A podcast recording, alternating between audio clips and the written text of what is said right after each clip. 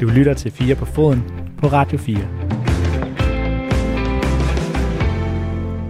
Og det er stadig ham selv, han har sagt, Oliver Brehum, der er, der er været på programmet selvfølgelig efter en øh, time 1 med øh, endnu et øh, betting-fokus derude, fordi vi havde muligheden for at lave endnu et, interview, endnu et interview med Jeppe Brugs i forbindelse med det udspil. Mere konkrete og længere udspil, som øh, Socialdemokratiet er, social, det var da utroligt, Socialdemokratiet er kommet med og som de sidder lige nu og forhandler om og taler om i, øh, i forligskredsen. Øhm, vi taler også med Morten Rønde fra spillebranchen, og så stod det af med øh, Claus Elgaard, der godt nok er en kollega, men som privatperson har været ludoman og, og kæmper mod, øhm, at, at der er flere, der bliver det. Øhm, det var en hestblæsende team. Der var øh, nogle, nogle, øh, nogle vilde interviews der, hvis jeg selv skal sige Så øh, den kan du glæde dig til at genhøre. Til gengæld, så kan du lige nu bare lande tilbage, for der kommer en time 2 selvfølgelig, og der skal vi snakke om tre ekstremt spændende historier. Det første er en øh, fodbolddokumentar, som øh, Danmarks Radio har lavet. Den hedder Jagten på fodboldhackeren. Og det er jo en, en mand, der er lidt populær, der bliver kaldt øh, jamen, fodboldens svar på, svar på øh, Edward Snowden. Ham øh, har min gode kollega Asser lavet et, øh, ikke ham, men om dokumentaren har min gode kollega Asser lavet den 20 med, øh, med en af journalisterne bag fra DR. Vi skal også øh, tale om klima, i topfodbold, det er jo faktisk noget, vi har berørt en lille smule her i programmet. Jeg, jeg vil, øh, vi vil gerne alle sammen på programmet gøre det endnu mere. Nu tager vi et, endnu et skridt i dag. Vi skal nemlig finde ud af, hvordan topfodbold og, og klimakampen egentlig hænger sammen. Og til sidst i den her time, så skal vi tale om, og jeg glæder mig ekstra meget til det her, romantikken ved pokalturneringen, DBU-pokalen. Noget af det smukkeste ved den, det er, at helt små hold kan trække de allerstørste. Det er så vildt. Og det er ekstra vildt, når de helt små hold, så står de store hold ud. Nykøbing Falster, der røg ud til FC København for ikke så lang tid siden, husker, husker mange måske. Jeg kan huske, fordi jeg er på Østjylland, at Viby J har mødt øh, FC København også, og der er masser af andre af den slags. Så der er nogen på vej nu, nemlig Brøndby, der har trukket Aarhus øh, fremad. Hvordan romantikken stadig har det i øh, DBU-pokalen, det taler jeg med Lars Kruse om, der er direktør i, i netop anden divisionsklubben Aarhus fremad. Men vi lægger altså ud lidt et andet sted. Radio 4 taler med Danmark. Vi ligger nemlig ud med premieren på øh, fodbolddokumentaren på Danmarks Radio, øh, der hedder Jagten på fodboldhackeren. Den handler om stifteren af Football Leagues, Rui Pinto, der øh, netop nu kører en øh, retssag imod ham i, øh, i Portugal. Football Leagues er, ja, som jeg sagde før, fodboldens svar på Wikileaks, som Edward Snowden har lavet, og har siden 2015 afsløret, hvad skal man sige, skumle finansielle transaktioner i den professionelle fodboldverden, og har afsløret nogle af de skattetricks, som nogle af de allerstørste stjerner i øh, fodboldverdenen, de, øh, de desværre bruger. Siden 2019, der har der så kørt den her retssag mod, øh, mod stifteren Rui Pinto, og øh, den danske filminstruktør Niels øh, Brockholt Holm har, har fuldt retssagen tæt, og øh, det er nu kommet dokumentaren Jagten på fodboldhackeren ud af. Og som sagt, så er det min kollega Asser Vitrup Nielsen, der har talt med Niels om den aktuelle dokumentar, dokumentar, som du altså kan se lige nu på det her. Niels Bogert Holm, filminstruktør og manden bag jagten på fodboldhackeren, der kan ses på DRTV fra i dag. Velkommen til. Tak skal du have. Inden vi dykker ned i den dokumentar, du har lavet, så, øh, så kunne jeg godt tænke mig at høre lidt ind til Rui Pinto og øh, øh, den her fodboldhacker, der er en, der er en retssag i gang mod. Øh, han, han skulle jo have vidnet i retssagen mod ham selv i dag, men er udeblevet. Har man nogle indikationer på, hvorfor han er udeblevet? Ja, altså, jeg tror faktisk ikke, man kan sige, at han er udeblevet. Altså, hans, hans vidneudsagn er blevet udsat, øh, og det er ikke første gang, det sker. Altså, retssagen imod ham har varet nu i lidt over to år. Øh, så, så det portugisiske retvæsen har øh, ikke bevæget sig helt vildt hurtigt. Øh, ja, så vidt jeg ved, er grunden til, at det blev udskudt denne gang, at øh, en medanklaget i sagen øh, har, har gjort nogle, nogle indvendinger. Øhm, men, men det ved jeg ikke præcist. Og Football Leagues, den her hjemmeside, hvor der blev lækket lægget oplysninger om blandt andet øh, kontrakter for fodboldspillere, og også øh, senere øh, forskellige øh, retssager, der var, der, der var i gang, øh, så jo dagens lys i 2015, øh, og siden er han så øh, blevet fundet bagmanden bag Football Leagues, øh, Rui Pinto, og der er så, som vi lige snakkede om, en retssag i gang. Hvornår i denne her proces øh, begynder du at tænke, det kunne være interessant at lave en dokumentar om Rui Pinto? Det var faktisk for to år siden, da retssagen mod ham startede. Øh, jeg kan huske, at jeg læste en artikel i New York Times øh, et par dage forinden. Øhm, og der tænkte jeg, at det ville være et godt tidspunkt at, at hægte sig på sagen. Øhm, fordi så kunne jeg ligesom lave filmen sideløbende med retssagen, øh, og så kunne den udkomme. På det tidspunkt øh, havde jeg ikke fantasi til at forestille mig, at retssagen ville vare i to år. Øhm, så det var egentlig ret simpelt, at jeg øh, fløj til Lissabon med et kamera under armen øh, og var til stede på den første dag af retssagen. Det var så også min første dag på filmoptagelsen. Og øh, når man ser den her dokumentar, så er noget af det, jeg er blevet mærke i, det er, øh, hvor Øh, store kilder du har med. Det er blandt andet øh, Gareth Bales agent, der er med. Hvordan er det lykkedes at få, få det her persongalleri med i den her dokumentar? Hvad har bevæggrunden været for de forskellige for at stille op? Det er jo altid øh, øh, et indviklet spørgsmål. Øh, hvad, hvad motiverer folk til at tale, synes jeg. Øh, jeg er sikker på, at de alle sammen har meget forskellige grunde. Øh, Øh, I tilfældet Jonathan Barnett, altså Gareth Bales agent, som er en af de, de allerstørste, det er ikke den største agent i England, der øh, tror jeg, sådan en som ham, og også øh, en af de andre hovedpersoner i filmen, Nelio Lucas, øh, en anden øh, agenttype, de er i høj grad vant til at blive fremstillet ret todimensionelt, altså som de her supergrådige mellemmænd, der tjener øh, millioner og millioner på for eksempel at skibe Gareth Bale fra Tottenham til Real Madrid. Så de er ret meget på vagt, når man kontakter dem og siger, nu vil jeg gerne lave en dokumentar, hvor du får lov at, at forklare tingene fra din, øh, dit perspektiv, og det skal være nuanceret. Det kræver en god portion overtagelsesevne, og ligesom at, at få dem til at, at tro på det. Altså, så der, jeg vil sige, der er, øh, det øh, kræver en, en, en, øh, noget vedholdenhed, øh, og det tager tid. Øhm, og så er det altså, som med, med alt andet, øhm, at, at forklare sig og ligesom øh, prøve at få dem til at forstå, at det, det kunne også være i deres interesse at sætte sig ned og fortælle, i stedet for det her med, at øh, vi skal skrive, de har ikke nogen kommentarer, og lad, lad, lad andre udlægge teksten. Øhm, så ligesom at, at få, få forklaret dem, at det er ikke så farligt, hvis du sætter ned og forklarer, hvad du laver som agent, og, øh, og hvad din rolle i systemet er, så kunne det være, at folk fik en større forståelse for, hvad du laver. Og indtil nu, så er der jo mange, der har set Roy Pinto og Football Leagues lidt som øh, fodboldverdens parallel til, til Wikileaks og Edward Snowden.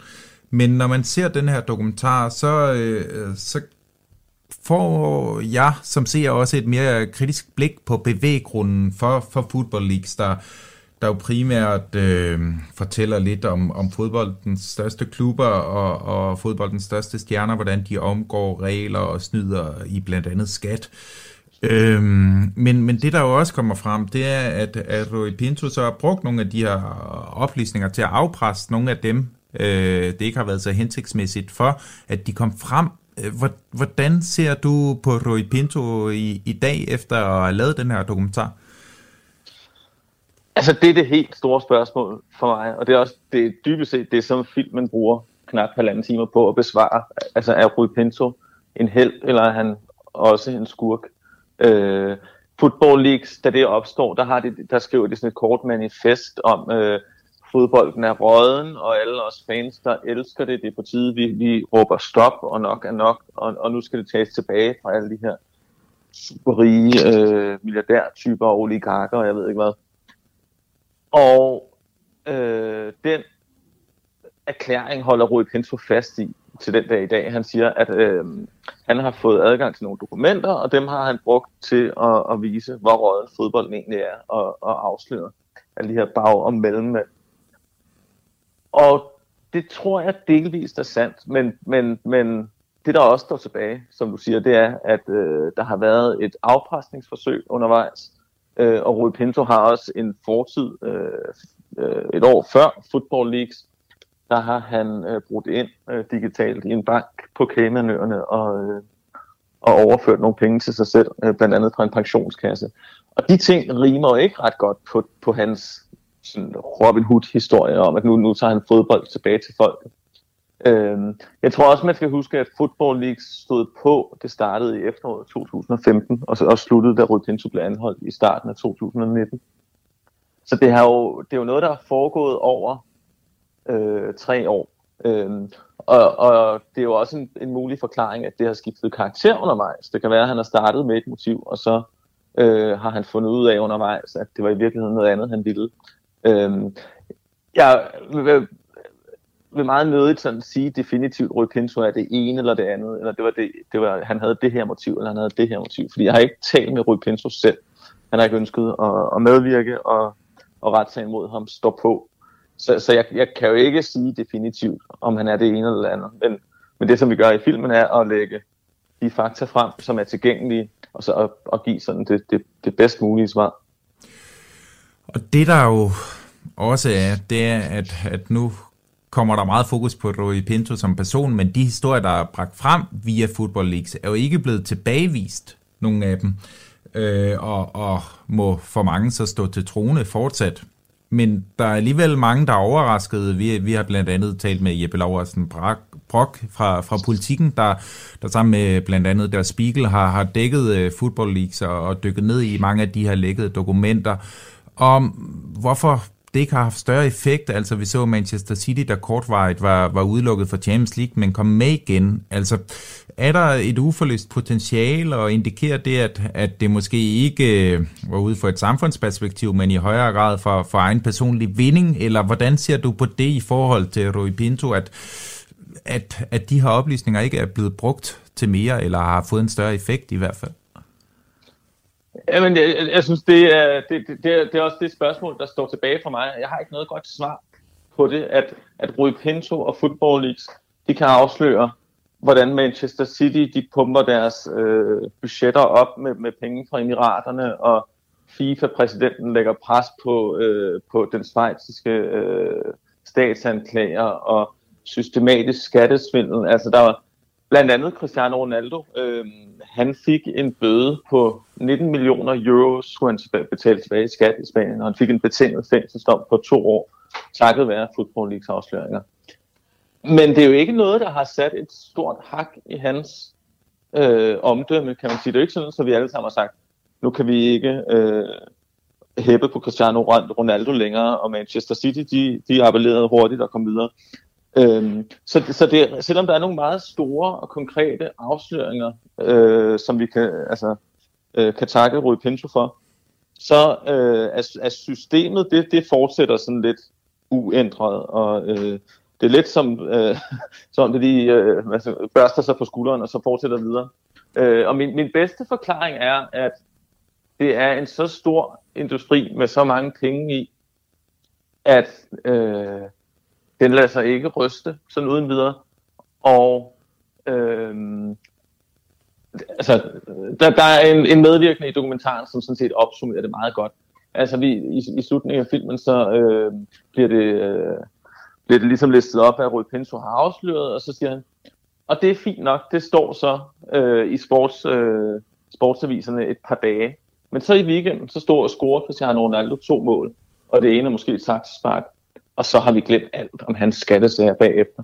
Så jeg tror også, det er en del af forklaringen, at, at fodbold er sådan et øh, højt elsket produkt, øh, og at, at, at folk kan ved med at se det og tænde for det uanset, øh, altså, at, næsten uanset hvad, hvad man hører. Ikke? Altså jeg synes også, øh, det, det er jo så ikke en del af Football League eller filmen, men, men det her fodbold-VM i Katar, det er sådan set det, det bedste eksempel på det, at om et par måneder, så sidder vi alle sammen og, øh, og hæpper på hver vores landshold i Katar øh, uagtet at, at, at, hvor korrupt processen har været, og hvor mange menneskers liv det har kostet.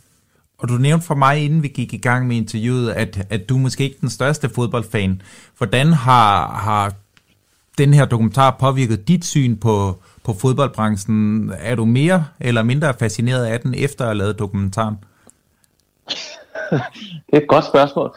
Øhm, jeg synes, det er, altså det, som jeg øh, altid godt kan lide ved sådan nogle dokumentarer her. Øhm, vi talte om Jonathan Barnett og Nelio Lucas tidligere. Altså, og, og, og for dem, som normalt er, øh, er, er tegnet op som de helt store bussemænd og mørkemænd, og, og som, som stort set ikke har nogen moral, og for dem til at sætte sig ned og forklare, hvad de laver, og, og høre deres eget selvsyn, det, det er meget, meget fascinerende for mig. Altså Jonathan Barnett for eksempel, da han, så, da han øh, var agent for Gareth Bale, der skiftede fra Tottenham til Real Madrid, der fik han, øh, det ved vi fra Football Leagues, 14 millioner pund ud af det.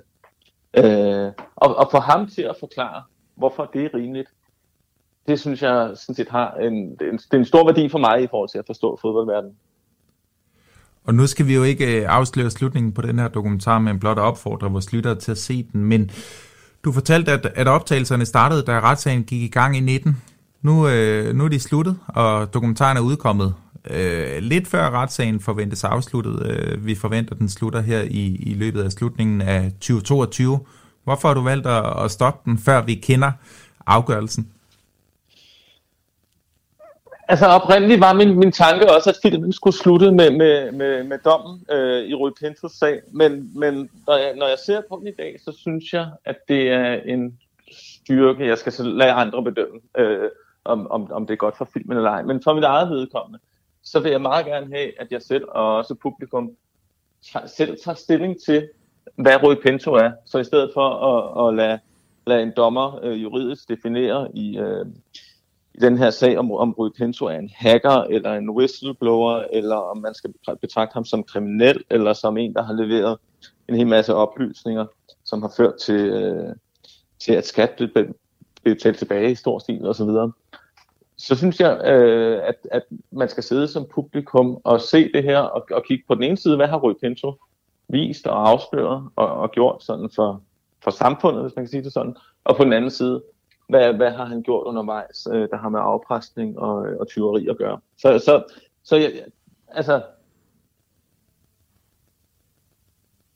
jeg, jeg, nej, jeg tror, jeg vil bare holde mig til, altså, jeg, jeg, det, det glæder mig, hvis at filmen slutter uden en dom i retssagen, fordi så kan publikum selv få lov at afgøre, hvad Rui Pinto er for dem. Jeg tror i hvert fald ikke selv, jeg har taget stilling endnu efter at sætte den færdig, men jeg håber, øh, vores vores lyttere kan, kan få den samme forstyrrelse, som jeg fik ud af at se den her dokumentar. Mange tak for den, og hermed er opfordringen givet videre til vores lyttere. Mange tak. Og den er givet videre fra øh, min kollega Asser Vitrup Nielsen, der her talte med altså Nils Borkhardt Holm, der er manden bag dokumentaren Jagten på fodboldhackeren. Radio 4 taler med Danmark. Nu går vi videre til en uh, interessant snak, som handler om klima og fodbold. Det er, øh, jeg har lyst til at sige en øm tog hos øh, flere af de her store fodboldorganisationer, DBU, UEFA og så videre. Det er jo en, en sport, hvor der for det første er mange hold, der flyver frem og tilbage til alle mulige kampe. Det kan også være, at nogle af dem kører busser, hvis afstanden er kortere. Der bliver arrangeret store slutrunder, hvor der også skal transporteres alverdens folk frem og tilbage. Og øhm, ja, der er jo bare det ser ikke så godt ud i forhold til klimaet. Måske vil man sige ud fra, men det er rent faktisk noget, de kigger på. Og når de kigger på det, så kigger min kollega altså Vitrup Nielsen også på det. Fordi det er et højaktuelt spørgsmål. For nylig, der øh, kunne vi se Paris Saint-Germain superstjerne Mbappé og hans træner, de brød ud i latter, da de på et pressemøde blev spurgt ind til, hvorfor Paris fløj i privatfly til en udkamp. Det kunne nemlig også nås i et tog på to timer.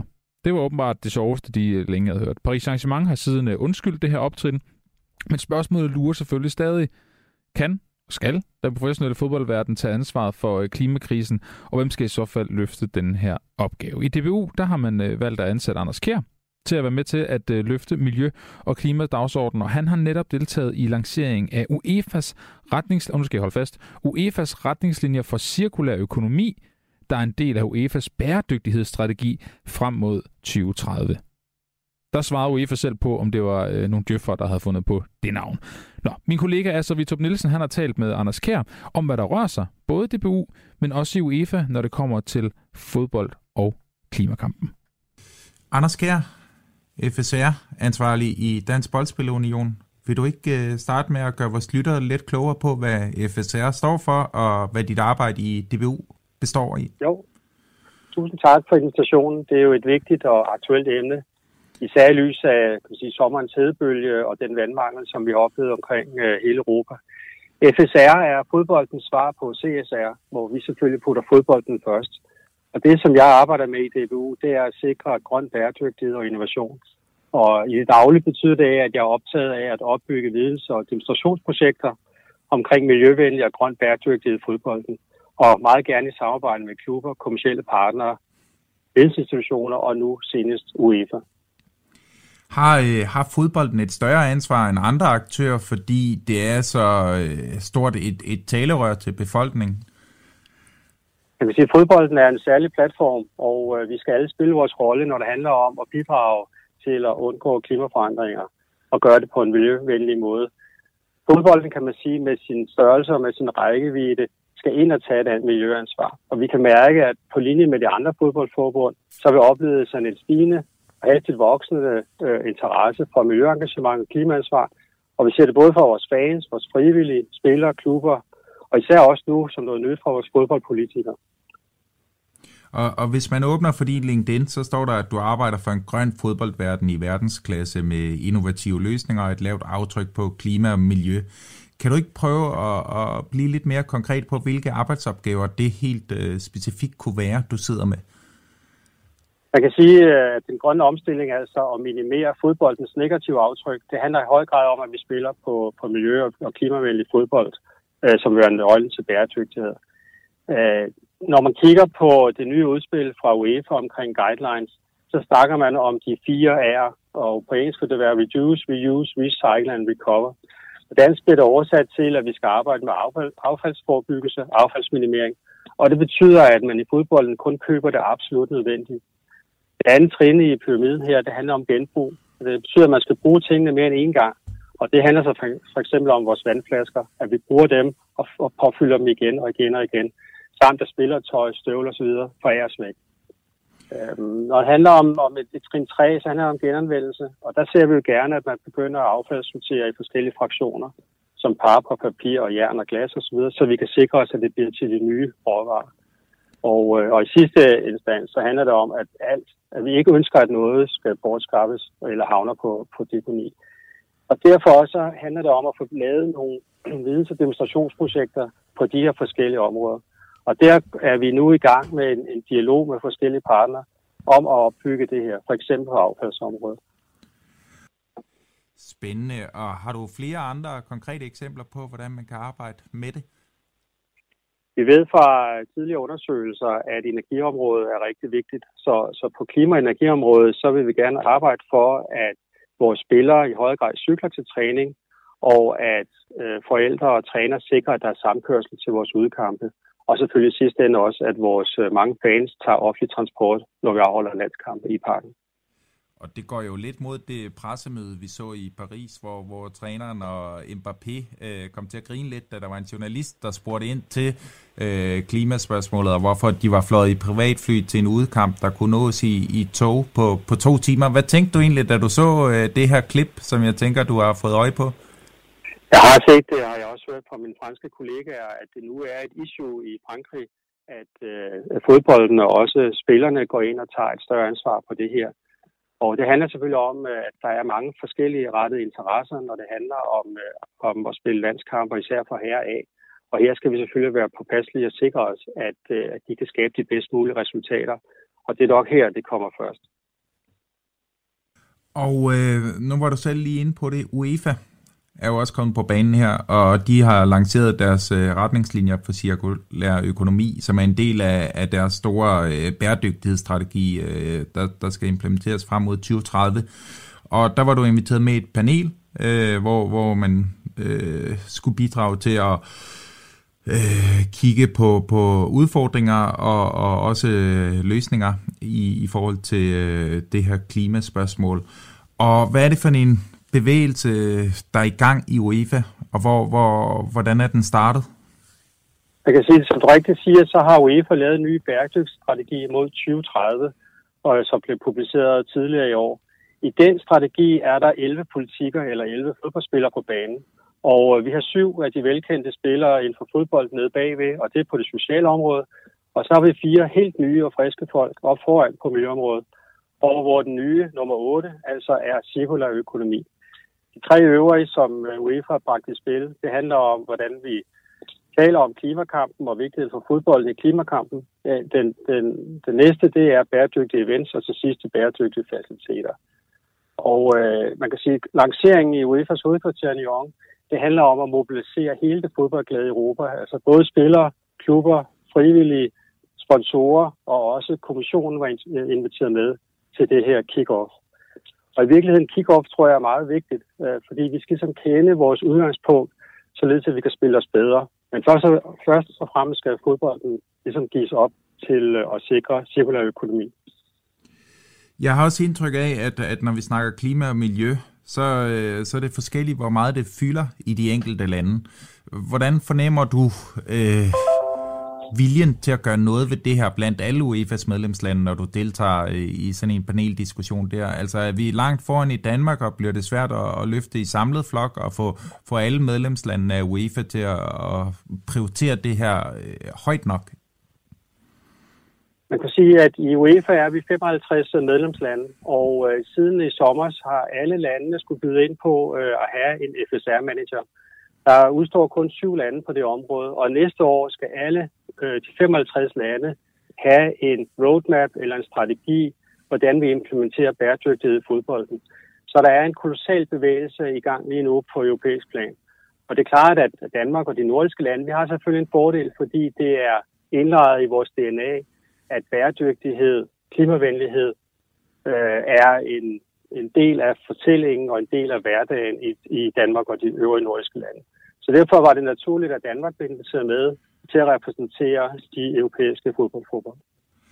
Og hvem har ansvaret for både at få implementeret, men også at få sat øh, yderligere fokus på de her ting? Nu kan jeg se på kvindesiden, der har vi jo vores landsholdsspiller i Juventus, Sofia Sofie Junge, der blandt andet har taget nummer to i Juventus for ligesom at øh, lave en, en øh, relation eller en overgang til, til hvad hedder det, det her klimamål, der, der er skrevet ind i, i FN øh, verdensmål. Øh, og, og det gør jo, at, at vi lige pludselig begynder at, at kigge på det her, hun holder oplæg for sine medspillere.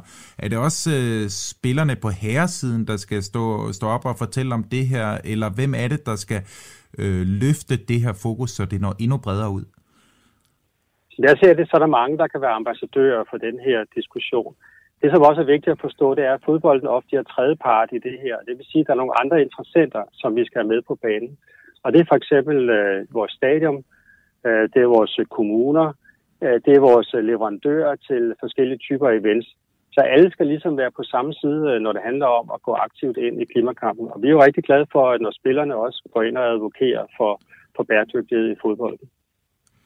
Og når jeg hører om, om den her lancering af de her guidelines, så tænker jeg på den ene side, hvor er det fedt, at en stor øh, organisation som UEFA tager det her op og sætter det på dagsordenen, så er der sket meget, men på den anden side tænker jeg også, er det ikke også lidt ligesom at sætte ulven til at øh, vogte for, fordi vi jo også ser UEFA lave en masse andre initiativer, der har en kæmpestor effekt på, på, på klimaet i forhold til, når de laver EM-slutrunder, hvor der er mange øh, værtslande, og de laver en ny turnering som Conference League, hvor at, at vi ser endnu flere hold kvalificere sig til Europa og skulle flyve rundt imellem byerne.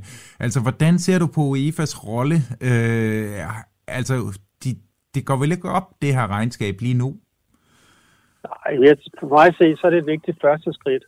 Og det er klart, at der vil stadig være, stadig være nogle modsatrettede øh, tendenser, når vi, når vi handler om bæredygtighed og fodbold, også inden for UEFA-systemet. Men jeg kan sige helt aktuelt, så sidder vi nu og, og, og skriver på en ansøgning omkring øh, at være værtskab i Norden for, for kvinde-EM. Og der er øh, UEFA's øh, guidelines helt klare på, på bæredygtighed. Og det er, at man ønsker altså bæredygtighed i de store UEFA-events. Og, øh, og det håber vi, øh, at man vil honorere ved at placere et sådan stort øh, event i Norden. Og hvad er ønskescenariet? Altså, kunne du godt tænke dig, at vi for eksempel fik regler, ligesom vi, vi kan se det inden for Financial Fair Play, altså øh, nogle, nogle krav til, til lande og klubber i forhold til, til klima og miljø? Det er klart, at regulering øh, er et meget stærkt værktøj at tage i brug. Jeg tror, at herude i starten, øh, så skal vi ligesom lære området lidt bedre at kende, inden vi beslutter os for, hvordan værktøjskassen skal se ud, og hvordan det skal komme i brug. Så jeg tror, at det, som jeg lavede ud med at sige, at, at vi skal prøve at lave nogle, nogle projekter og nogle idéer, og se, hvad som virker, og så prøve at rulle det ud til, øh, til fodbold Danmark. Det kan sige, man kan sige, øh, at vi er i en situation nu, hvor Wild West ikke længere er tilladt. Øh, vi er i en situation, hvor det handler om at change or be changed. Og vi så det præcis nu på, på omkring mikroplast, øh, gummigranulat i vores kunstgræsbaner. Der er en lang, række, lang overrække, hvor vi har anlagt, driftet og spillet øh, på en ikke så miljøvenlig måde på vores kunstgræsbaner. Og nu kommer EU altså med den store hammer, som handler om et forbud mod anvendelse af gummigranulat. Så jeg tror, vi skal starte i det små, og så efterhånden blive klogere på det her emne, og så begynde at indrette fodbolden, således at vi også tager et øh, større klima- og miljøansvar. Du skal have mange tak for forløbet og gjort os lidt klogere, og øh, vi vender helt sikkert tilbage til dig i fremtiden. Tak for det, Anders. Velkommen. Sådan noget det altså for, øh, fra altså Vitrup Nielsen, min, min gode kollega her på Fire på Foden, der interviewede Anders Kær fra øh, DBU i forhold til klimadagsordenen, og hvor meget den fylder i henholdsvis DBU og UEFA. Radio 4 taler med Danmark.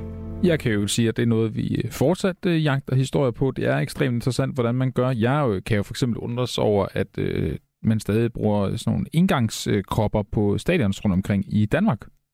Hvorfor man ikke kan lave et pansystem, som man ligesom får afleveret plastik, og det kan genbruges. Sådan noget. Det, det forstår jeg simpelthen ikke. Hvis man kan på, på festivaler og sådan noget, så kan man vel også på et fodboldstadion. Men det er jo noget af det, vi kan kigge ned på her i programmet. Det er derfor, vi findes og eksisterer. Så det vil, det vil vi helt sikkert gøre. Nå, nu skal vi videre til øh, det, som jeg har valgt at kalde den romantiske fodbold, når det kommer til DBU-pokalen. Og øh, det skal vi, fordi at den 19. oktober, der skal Aarhus Fremad på hjemmebane møde Brøndby IF. Og det er jo en kamp, der altså indhylder, hvor skøn en pokalturnering er at de helt små hold kan få muligheden for at møde de store. Det er der alt muligt godt i. Omtale, tilskuer osv. Men jagten og drømmen om at få sejren over de store, er jo noget af det smukkeste, der er ved, øh, ved fodboldspillet. Det gætter på, at du er enig med mig i, Lars Kruse. Selvfølgelig er det. Direktør, er det. direktør i Aarhus Fremad. Velkommen til. Jo, tak. Lars, øh, jeg har glædet mig meget til den her snak, fordi vi skal, vi skal jo tale om, vi, kan også, vi skal jo også tale om romantikken i det, og, og hvor fedt det er for året fremad, at de trækker en modstander som, øh, som Brøndby. Men vi skal også tale om, hvad kan man sige, om, om den her romantiske forestilling i virkeligheden findes stadigvæk i forhold til, hvordan man så afvikler sådan en, øh, en kamp. Men, men det kan vi lige tage, tage lidt senere. Det er, den, det er den 19. oktober, I skal møde Brøndby. Hvordan var din reaktion, da det var dem, der røg op af, af hatten? Jamen, jeg synes jo egentlig, det var jo nok, øh, vi har talt om det tidligere, at det var nok det sjoveste hold, vi kunne trække, hvad angår opmærksomhed, og, og så få en god eftermiddag op på, på Rigsvangen. Jeg synes, at vi har fortsat sådan lidt, øh, hvad kan man kalde det, tømmermænd oven på Esbjerg-kampen, så vi, øh, ja. vi skulle lige øh, hive os op i håret for ligesom at, at etablere en uh, motivation for at lave den her kamp. Men når det ligesom er sagt, så efter beslutningen var taget, om at vi holder den på Rigsvangen, og hvordan vi ligesom kommer til at afvikle den, så glæder vi os jo bare helt vildt. Men det er jo klart, når man lige først får den, så det første, man tænker, det er, okay, er det i Brøndby, er det i Silkeborg, er det i Aarhus, mm. er det på Rigsvangen, hvad skal vi lige stille op? Ja, for det er, jo, øh, det er jo ret interessant det der, fordi jeg gætter på, at det første billede, der kom for dit hoved, det var vel netop Rigsvangen, der var proppet, og, og der er god stemning og så videre, så videre. Men, men det næste, det er så måske faktisk i virkeligheden, kan det lade sig gøre? Jamen, det er jo det, og så kan man sige, jeg stod jo også selv øh, og, og så det her nede fra Dortmund for i tirsdag, øh, og det er jo lidt spøjst, det så lige pludselig bliver en del af ens virkelighed. Mm. Men jeg tror også, vi skal passe på med at give det for meget fokus. Jeg, ja. jeg mener, alle de her, de her problemer, der har været, jamen det, det kommer ud for det første ud af en ganske, ganske lille andel af, af nogle klaphatte af nogle fodboldfans, som ødelægger det for de mange. Øhm, og så er det også et produkt af en rivalisering mellem to klubber, som, som vi jo ikke er en del af. Øhm, så jeg vil egentlig hellere spille den her kamp for alle de fredelige Brøndby-fans, der findes. Der bor jo mange øh, Øh, Brøndby er vel den klub med, med flest øh, fans øh, spredt rundt i landet. Øhm, og, og den menige Brøndby-fan kommer ikke for at, at slå på tæven. Øhm, så det er egentlig dem, vi gerne vil velkommen på Rigsvangen, og så de andre, må, det må vi jo løse. Men det er det, der er interessant, det er, så kunne jeg også godt tænke, er, er Rigsvangen bygget til, at I kan styre det, hvis der nu kommer nogen, eller kan I holde dem væk, eller så og så videre? Altså kunne det ikke der netop nej, være smartere at rykke det væk? Jo, men, øh, men altså, så kan man sige, så kunne vi have spillet den i Brøndby, og så ville, øh, så vil vores plads i økosystemet, det ville så være at rejse rundt og være kanonføde for de her Superliga-hold, der mm. skulle have nogen at spille med, indtil de kunne komme øh, til de sidste par kampe, og det har vi ikke lyst til. Altså sportsligt mener vi også, at vores chance er selvfølgelig størst, hvis vi spiller der, hvor vi er vant til at spille. Det er jo nok lidt uden for comfortzonen at komme over og skulle sidde i vores lille omklædningsrum, med de vilkår, yeah. vi ligesom kan stille til rådighed for Daniel Verse Company. Så, øh, så, så jeg tænker jo lidt, at det gør vi jo selvfølgelig også, fordi at, at det er jo den her magi, der er i, i pokalturneringen. Det er jo der, der er jo noget fedt ved, at man i Danmark øh, kan vinde øh, en ordentlig strive øh, fodboldkampe øh, i træk, uanset hvor du spiller, og så ind i Europa. Altså, den, øh, den skal man ikke gå bort fra. Den der idé om, at man ligesom er... At det er jo DBU-slogan. Altså, det der med at være en del af noget større. Altså, mm. der er jo et stort økosystem. Og hvis vi ligesom begynder at vende det om til, at, at det skal tilpasses tv og tilpasses uh, topholdene, jamen så kan pokalsføren lige så godt være ligegyldig. Så kunne man lige så godt lave en lille kubturnering udelukkende for uh, de øverste, hvad, hvad, hvad ved jeg, 12 hold. Ikke? Men, uh, men var, var det din største, sådan, nu ved jeg ikke, om vi skal sige frygt, men var det din største bagtanke, var det, vil, vil vi kunne kontrollere mængden, og, og også hvis det, hvis det nu 7 i 13 altså, øh, går galt? Ja. Ja, okay. Hva, hva, hva, nej, nej, nej, nej, nej, nej, jeg bekræfter bare lige dit spørgsmål. Nå, godt, nej, nej, det var godt. det ikke. nej, det var det ikke. Nej, det var det ikke. Det var bare, at der kommer til at ligge en masse arbejde i det her. Det må vi selvfølgelig ja. løse. Øhm, og Brøndby har jo også øh, været positiv for det. Altså, der, jeg har ikke på noget tidspunkt spurgt om Brøndby, om vi kunne tænke os at komme over og spille hos dem. Nej. Øh, så, så, så der har været en fin dialog, øh, og, og nu gør vi det her. Og så kan man sige, at vi, er jo også lidt, øh, vi er jo lidt forskående ved, at, den, at vi kan spille i efterårsferien, ikke? så det bliver sådan en eftermiddagskamp en onsdag mm. kl. 14.30. Øhm, og det gør det nok lidt bedre, end hvis det var fredag kl. 18. Øhm, ja, det tror jeg, du har det i. Ja, til, til, til promille-niveau ja. og den slags. Ikke? Så, så, så vi gør det, vi kan, og, og, så, øhm, og så selvfølgelig så har vi jo en dialog med politiet, har jeg talt med flere gange, og også med dem i morgen på Rigsvangen, og vi har en vagt i gang med at finde øh, vores vagtansvarlig. Han finder øh, godt 30 mand, der, der er ansvarlige og erfarne med det. Brøndby kommer også med et sikkerhedssetup, så, så vi gør alt, okay. hvad vi kan. Øhm, og, så, og så laver vi selvfølgelig også nu er vi der med Esbjerg med, at vi gav lidt fredelige fadøl og en krammer og sådan noget. Altså, måske vi skruer en lille smule op for det nu. Øhm, og så Skal op for fadølene eller op for krammerne? Øh, skruer op for setup'et. Nå, ja. Øh, så hvad hedder det, så man kan sige, at det, så det kommer til at være noget med altså et decideret udbaneafsnit, hvor man ligesom nok ikke kan komme derfra. Øh, men, men det er det eneste, vi gør. Altså, vi vil egentlig bare gerne levere øh, Rigsvangen Experience også til de her Brøndby-fans. Så, så tror jeg også, de får en god eftermiddag. Men nu ser du det eneste. Det er fordi, jeg vil, du, du tog spørgsmålet af munden på mig, han har sagt, fordi jeg vil netop ja. til at spørge, hvad, hvad der konkret skulle ske. Det, det, er, der, det er der mange ting, I, I, sætter, I sætter i værk. Tænker jeg med, med vagter, og du har politiet ind over og, og, og laver et udbaneafsnit ja. og sådan noget. Det, hvad skulle vi ellers gøre, når vi trækker Jamen, det er et godt spørgsmål. Altså, det, det, sker jo, det sker jo så sjældent, at selvfølgelig, det her det er jo ikke en kamp, øh, øh, vi er vant til. Selvfølgelig så, nu er vi lidt heldige her, vi har et par uger uden øh, hjemmekampe, så vi kan ligesom sætte os ned og, at lave en gameplan for det her hvordan vi afvikler det godt og forsvarligt. Vi har jo tre hjemmekampe på nu på Rigsvangen. Øh, vi, øh, vi spiller både weekenden før og efter hjemme. Så, øh, så man kan sige, så er vi oppe i fart, og så, så laver vi et godt setup, der virker. Øhm, min bekymring er lige så meget på mod Esbjerg, hvor vi havde godt 2400 eller 2300 tilskuere. Der var den knappe kapacitet, det var jo ikke uh, Rigsvangen, det var fadelsaterne, hvor yeah. vi jo brille vores følelser. Så, øhm, så, så det skal vi også styre på alle de ting der. Så man kan sige, sikkerhed og, og, og idiotiske hooligans, jamen det er jo en ting. Øh, og så er der alt det praktiske. Det fylder lige så meget i, min, øh, i mine tanker, som, er, øh, som det første gør. Er, er det det, du sidder med nu, og, og, og finde, øh, finde fadelshaner nok, eller fustager nok, og, og pølser nok og sådan noget? Er, er, det også, er det det, der fylder nu? Jamen, jamen det er det jo at finde frivillige nok, og så ja. bare sikre, at det er en, en, en, en, en god oplevelse. Ikke? Og den, jeg kan da afsløre, at den kommer i tv, så vi får selvfølgelig også nogle udfordringer i forhold til at skulle have nogle tv-tårn op, måske lidt backup lys og lidt forskellige ting. Så. Men det er sjovt, øhm, fordi det, det vil jeg også spørge dig om, Lars, fordi altså, jeg, jeg har proklameret fra starten det interview, jeg elsker de der kampe. Jeg synes, det er ja. så fedt. Og øh, det har ikke noget med Brøndby at gøre. Jeg håber altid, at det, det mindste hold vinder. Det er bare sjovest. Øhm, ja. men, men jeg skulle netop også spørge dig, om der er andre udfordringer. Og der tænkte jeg netop på, hvad med tv? De vil vel, kunne ja. jeg forestille mig, gerne have, at du bare havde sagt, godt, det bliver Sears Park, der er setup'et der, og I, I kender det. Men, men har, har det også været en udfordring, eller, eller hvordan har dialogen været der? Dem, jeg har talt med fra tv-stationerne, der har jeg fået at vide, at øh, hvis de skulle komme i fjernsyn, så skulle vi spille den på Riksvang. Det er det, de gerne vil vise. Det er okay. det, som fodboldfolk også gerne Det er det, fodboldfans gerne vil se. Jamen fedt. Øh, så, så, det, så der, har, der er den der, man kan sige, der er fem øre, der faldet i forhold til, hvad det er for en energi, vi har med den her turnering.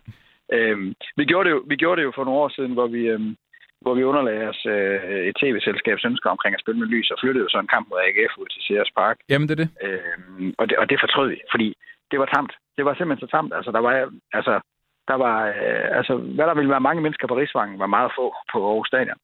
Øh, og så så, så det, det giver simpelthen ikke mening for os. Altså, det gør det virkelig ikke. Øh, så hellere prøve at afvikle det i et eller andet decimeret forstand. Og nu ved jeg jo ikke med politiet, men altså, så må vi jo nøjes med at lukke 1.500 mennesker ind, eller et eller andet, 1000, hvad ved jeg. Altså, det handler jo om, altså, det, hand, det handler om at lave noget, der er fedt. Mm. Øh, nærmere end at, end, at, end at, sådan at tage det mindst ringe alternativ.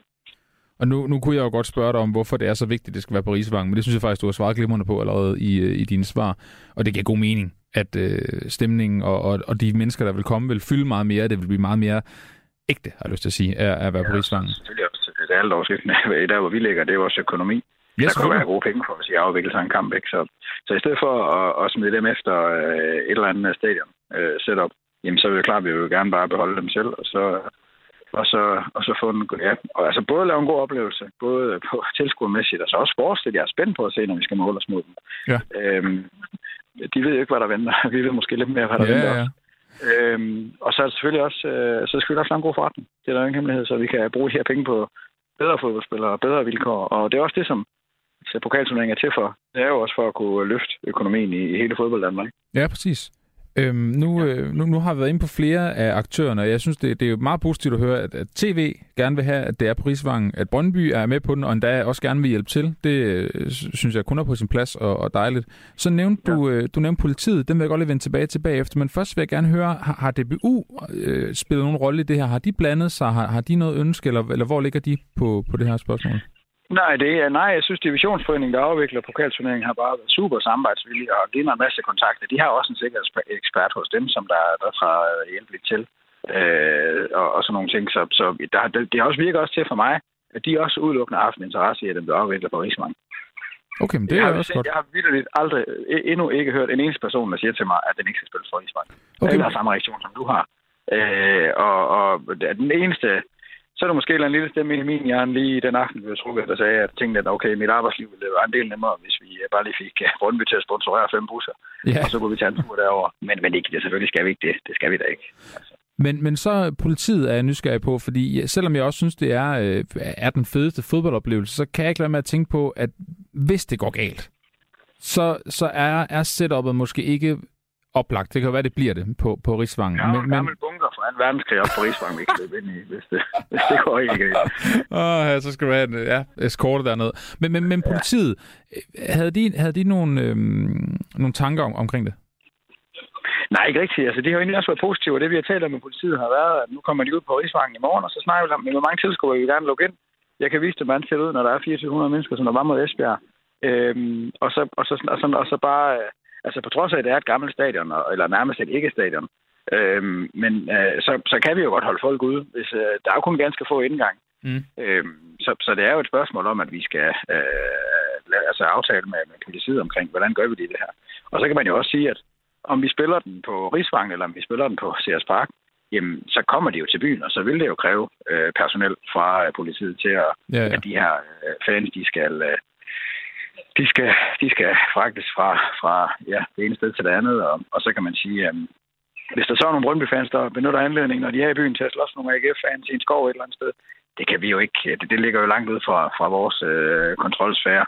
Øhm, så, så, så det er ikke noget, vi bruger krudt på. Altså, jeg mener heller ikke, øh, altså, jeg mener, at man skal gå se det her med armene hævet og tænke, det bliver mega sjovt, og hvor bliver det fedt for os at vise os frem øh, til det her setup. Og, og så, øh, og, og, ja, og, og, ja, ja, ja. Jamen, jeg, jeg er helt med. Jeg, jeg vil også, nu, har jeg lige siddet og tænkt over det, måske også underligt argument for Østlands politi, hvis de håbede, at den kunne blive spillet i Brøndby, sådan at det var Københavns Vestegns politiproblem. Den vil nok heller ikke gå. Nej, men jeg siger at de fremmede fans, der så vil tage turen til Brøndby, vil nok være ganske fredelige, når de går fra togstationen ja, ja. til Brøndby Stadion. Men jamen, altså, det er der jo bare ingen, der vinder det, og det, det gør Brøndby jo egentlig heller ikke. Altså, det handler jo også om for, for en, uh, et setup som Brøndby, der jo har mange fans rundt omkring at komme ud i landet og vise sig frem også.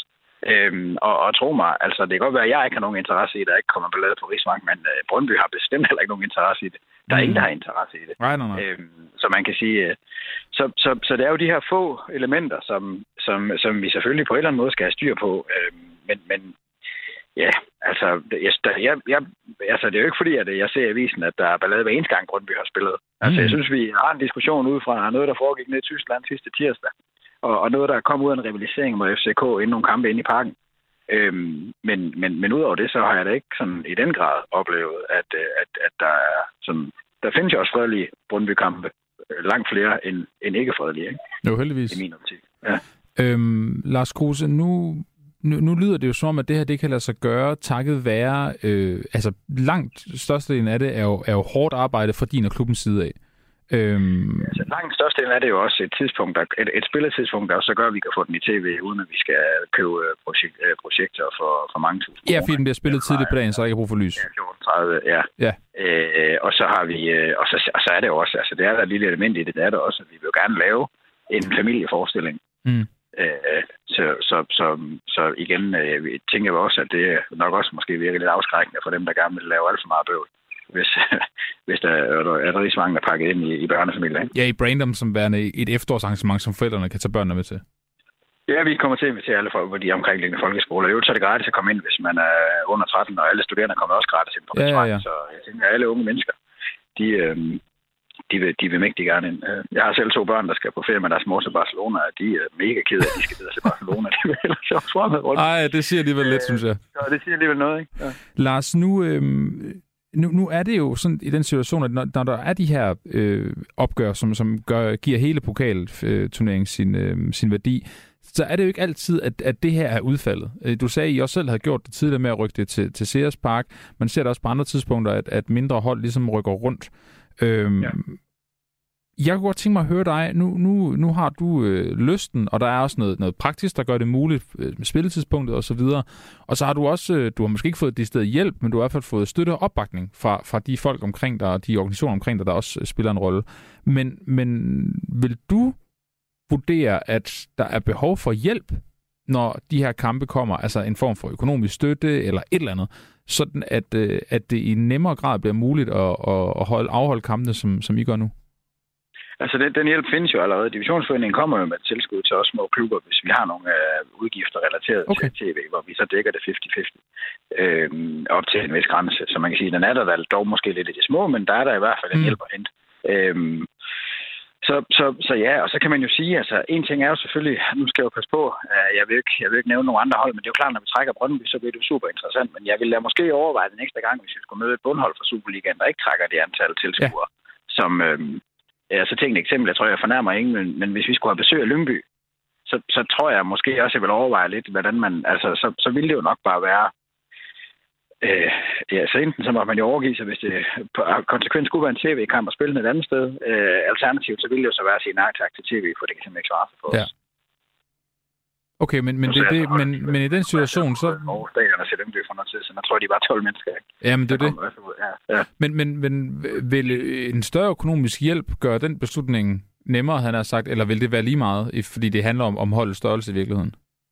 Jamen altså, økonomi gør alting nemmere i anden division. Altså, det er ja. jo, likviditet er jo alting, og vi, det er jo ikke en, altså, det, man, kan jo, man kan jo ikke få det til at hænge sammen og drive en fodboldklub på det her niveau, øh, samtidig med, med, med de indtægter, vi får. Altså, så er det jo sponsorer, og det, vi kan lave på stadion, der ligesom bliver det show. Øhm, så, så det er da klart, at, øh, at, at en, en, noget mere økonomi i, i pokalturneringen, øh, så vil man jo nok også opprioritere det. det. Mm, klart. Okay, men Jamen, jeg synes, jeg synes, det er interessant det her, fordi jeg, jeg kunne bare godt altså, forestille mig, at hvis man, hvis man kunne få noget støtte, at det så vil være, være muligt. Fordi der jo også er mange interesser, der skal plejes i det her tv og udholdet og så videre, så videre, politi og sådan noget. Øhm, ja. er, er du overbevist om, at det bliver en, en god forretning for jer, på trods af, af, af alt det ekstra, der ligesom skal gøres for, for at afholde kampen? Altså, nu taler jeg med dig, fordi vi har valgt at gøre det her, og ja. vi har fået masser af attention på det, kan man sige. Ikke? Så, så på marketingbudgettet, så giver det jo god, øh, god gevinst. Ja, det er øhm, og så kan man jo så sige, at øh, havde vi holdt den øh, ude på Sears Park, hvor de jo så skal spille faktisk mod Brøndby om søndagen efter, jamen, så skulle vi afholde en masse udgifter for at bringe banen tilbage til det, den var før, og vi skulle betale en masse øh, kontrollører derude. Så, så man kan sige, i, i aller, allerbedste fald, hvis vi skulle spille den et andet sted, så ville det blive et nul for os. Og så kan man jo sige, nu holder vi den derhjemme. Jamen, hvis det så ender med at blive et nul for os, så har vi da vist frem, at vi kan have haft en super god oplevelse. Øh, så, så jeg synes jo egentlig, at, øh, at, at svaret til det er jo, at, øh, altså, altså, altså, at, øh, at selvfølgelig skal vi gøre det. Altså uanset. Altså, det der med, at det er en god forretning, det er næsten det, der kommer i, i, i bagerstillet. Mm. Altså, det, det handler om nogle andre ting. Det handler om, om, om den, om den jamen, du siger selv magi, ikke? Altså, det handler jo om den, øh, det koncept, der er pokalturneringen, hvor netop er øh, ja, David Goliath, for at bruge sådan lidt ja, ja, ja. Slidt, øh, udtryk, ikke? Nu, øh, nu nævnte du det med dine, dine to børn, der, øh, der heller ved, det synes jeg er fantastisk, de hellere være på Rigsvangen, de vil til Barcelona, det kan jeg simpelthen ikke glemme. Men, men hvordan, øh, hvordan har reaktionerne ellers været, efter at den her beslutning blev taget? I var jo ret hurtigt ude at sige, det bliver her, og, og, og så sat, sat arbejdet i gang. Hvordan har reaktionerne været fra jamen, egentlig både fans og, og, og klubbens spillere osv.? Jamen positiv. Altså, det jeg tror de fleste var sagt til det. Så siger jeg sådan, det er løgn. For jeg tror, at de, at de fleste fans havde lidt en idé om, vi nok ville sælge den anden vej som vi har jo gjort både til AGF og Midtjylland sidste mm. gang, vi har trukket det her hold. Øhm, så, men, men positivt, det er løgn. Altså virkelig, ja. så var det fedt.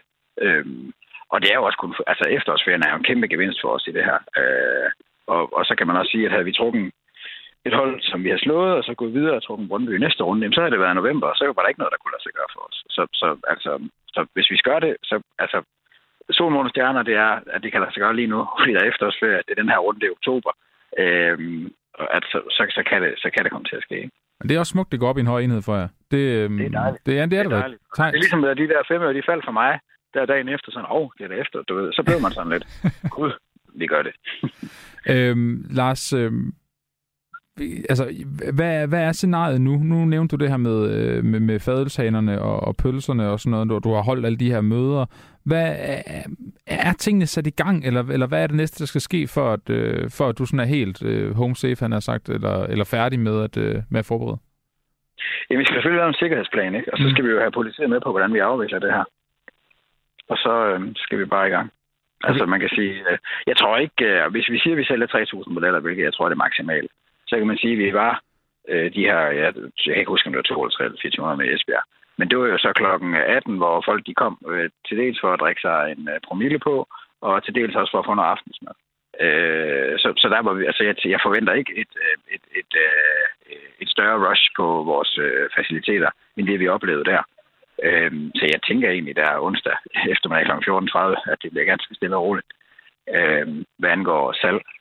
Øhm, så ja, jeg, jeg vil sige, det sætter vi her mod Esbjerg. Hvis vi ruller det ud igen, øh, måske en ekstra bar eller to, lidt yderligere sikkerhed, et udbaneafsnit med nogle øh, festivalhegn, vi stiller op, og, og sørger for, det spiller, alt efter hvad politiet og vagtselskabet siger, så er vi der. Og så kommer tv, og de virker også super søde og vil gerne hjælpe, og, øhm, og så, så ja, Lars, du må sørge for at oprette en bruger et eller andet sted, sådan at dine, øh, dine to børn de kan følge med nede for Barcelona. Eller få den ja, det, ja, ja. bagefter. Det skal, nok, det skal jeg nok. Ja. Det er næsten for sådan for Barcelona, det er Villarreal samme aften. Så nej, det er, er det samme tidspunkt? Ja, ja. Nå, okay. Nej, nej, det er samme aften. Samme nej, aften, nej, okay. dog, dog, Ja, ja, ja. De får en god fodbold dernede i Barcelona. Lars Kruse på, tusind tak, fordi du var med til at sætte nogle ord på, øh, på det her opgør, som, som, som bliver til noget på Rigsvangen. Det synes jeg er godt for, for ja, fremad. Jeg synes, det er... 14.30. Ja, præcis. Så uh, drop Legoland og Lalandia, og så kom på Rigsvangen i stedet for. Det det er hermed givet videre til, til fodboldromantikerne. Ja, men det er godt. Og ved du hvad, det er, øh, det er dejligt, at, at pokalsvingen den bliver holdt i live på den her måde. Det, det tror jeg er vigtigt. Tak fordi at du var med, Lars Kruse. Det var slet. Altså, jamen, det var slet. Altså, direktør i anden divisionsklubben Aarhus Fremad, der altså skal møde Brøndby den 19. oktober. Radio 4 taler med Danmark. Der er ikke meget mere tilbage af Fire på Foden for denne omgang. Jeg har dog fået et par øh, ret skønne sms'er i forbindelse med vores øh, tema i øh, time 1 omkring betting. Der er en, der skriver, øh, har I bombarderet Jakob Ellemann, og hvad siger han til det? Og øh, det er jo et godt spørgsmål. Venstre er jo øh, Danmarks liberale parti, og den liberale holdning er jo øh, generelt over en bred kamp, at man skal øh, lade markedet regulere sig selv. De må selv finde ud af det. Der må godt være reklamer. Vi har jo dog haft Søren Gade med, som øh, genopstiller til øh, Folketinget, som jo er venstremand, og han siger et totalforbud. Han synes jo ikke, det er nok, det som regeringen gør, og han øh, var med her i programmet, hvor han blandt andet sagde, at han var enig med øh, stort set alt det, som øh, SF foreslog. Øhm, de har nemlig foreslået et øh, langt mere vidtgående forbud, end det, som øh, regeringen har spillet ud med indtil videre. Så, men lige Jacob Ellemann har vi ikke prøvet. Det synes jeg godt, øh, eller jeg, jeg noterer det ned, og så kan det være, at vi også lige skal prøve at have med. Det er jo også interessant, at der er sådan en... Øh, jeg tog meget forskellige holdninger i et parti. Det er jo altid interessant. Så er der en, der skriver, Mathias, han skriver, hej, Fiber Foden, super interessant emne med spilreklamer, I tager op og vender rundt. Jeg er selv ludoman gennem rigtig mange, mange år. Jeg har ikke spillet i 3 år og 13 dage i dag. Tillykke med det, Mathias. Jeg synes, der er nogle nuancer af hele spilreklamedebatten, I på en eller anden måde udlader. En ting er, øh, hvad regeringen laver, om det er svagt forsøg på at vise ansvar, men hvad med de aktive ludomaner? Hvad med de spilfrie ludomaner? Hvordan påvirker reklamerne os dem, og hvor massiv er de egentlig? Hvad sker der i vores, deres hoveder, når vi ser reklamer? Får vi eh, trang, lyst til at spille? For mig at høre, øh, at høre både regering og brancheorganisationen i gang med et mediestunt, ligesom eh, øh, her Elgård øh, forklarede Claus Elgård. Hvis I skulle få brug for at høre mere fra en ludomans side om, hvad reklamerne gør, så er I velkommen til at kontakte mig. Mathias, tusind tak for den sms, og tak for så konstruktiv feedback på det, vi laver. Det betyder uendelig meget. Jeg kan sige, at vi har faktisk et program, tilbage fra maj måned, hvor vi har Mads Vendelin Olesen og Christian Diger med, som begge to er spilfri ludomaner. Der kommer de faktisk ind på det. Og i lørdags, der kom øh, et andet Radio 4-program også ind på det her emne, det hedder Spørg Lægen.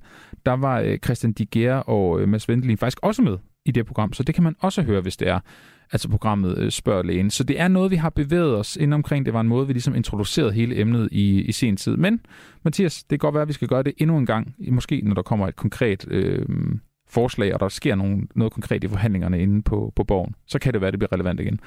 Tak for de to sms'er, og tak fordi du har øh, lyttet med. Jeg er færdig nu for den her omgang. Mit navn det er Oliver Breum. Det har som altid været en fornøjelse at sende fire på foden til jer. Nu skal I have nogle nyheder, og det skal I, fordi klokken den er 19.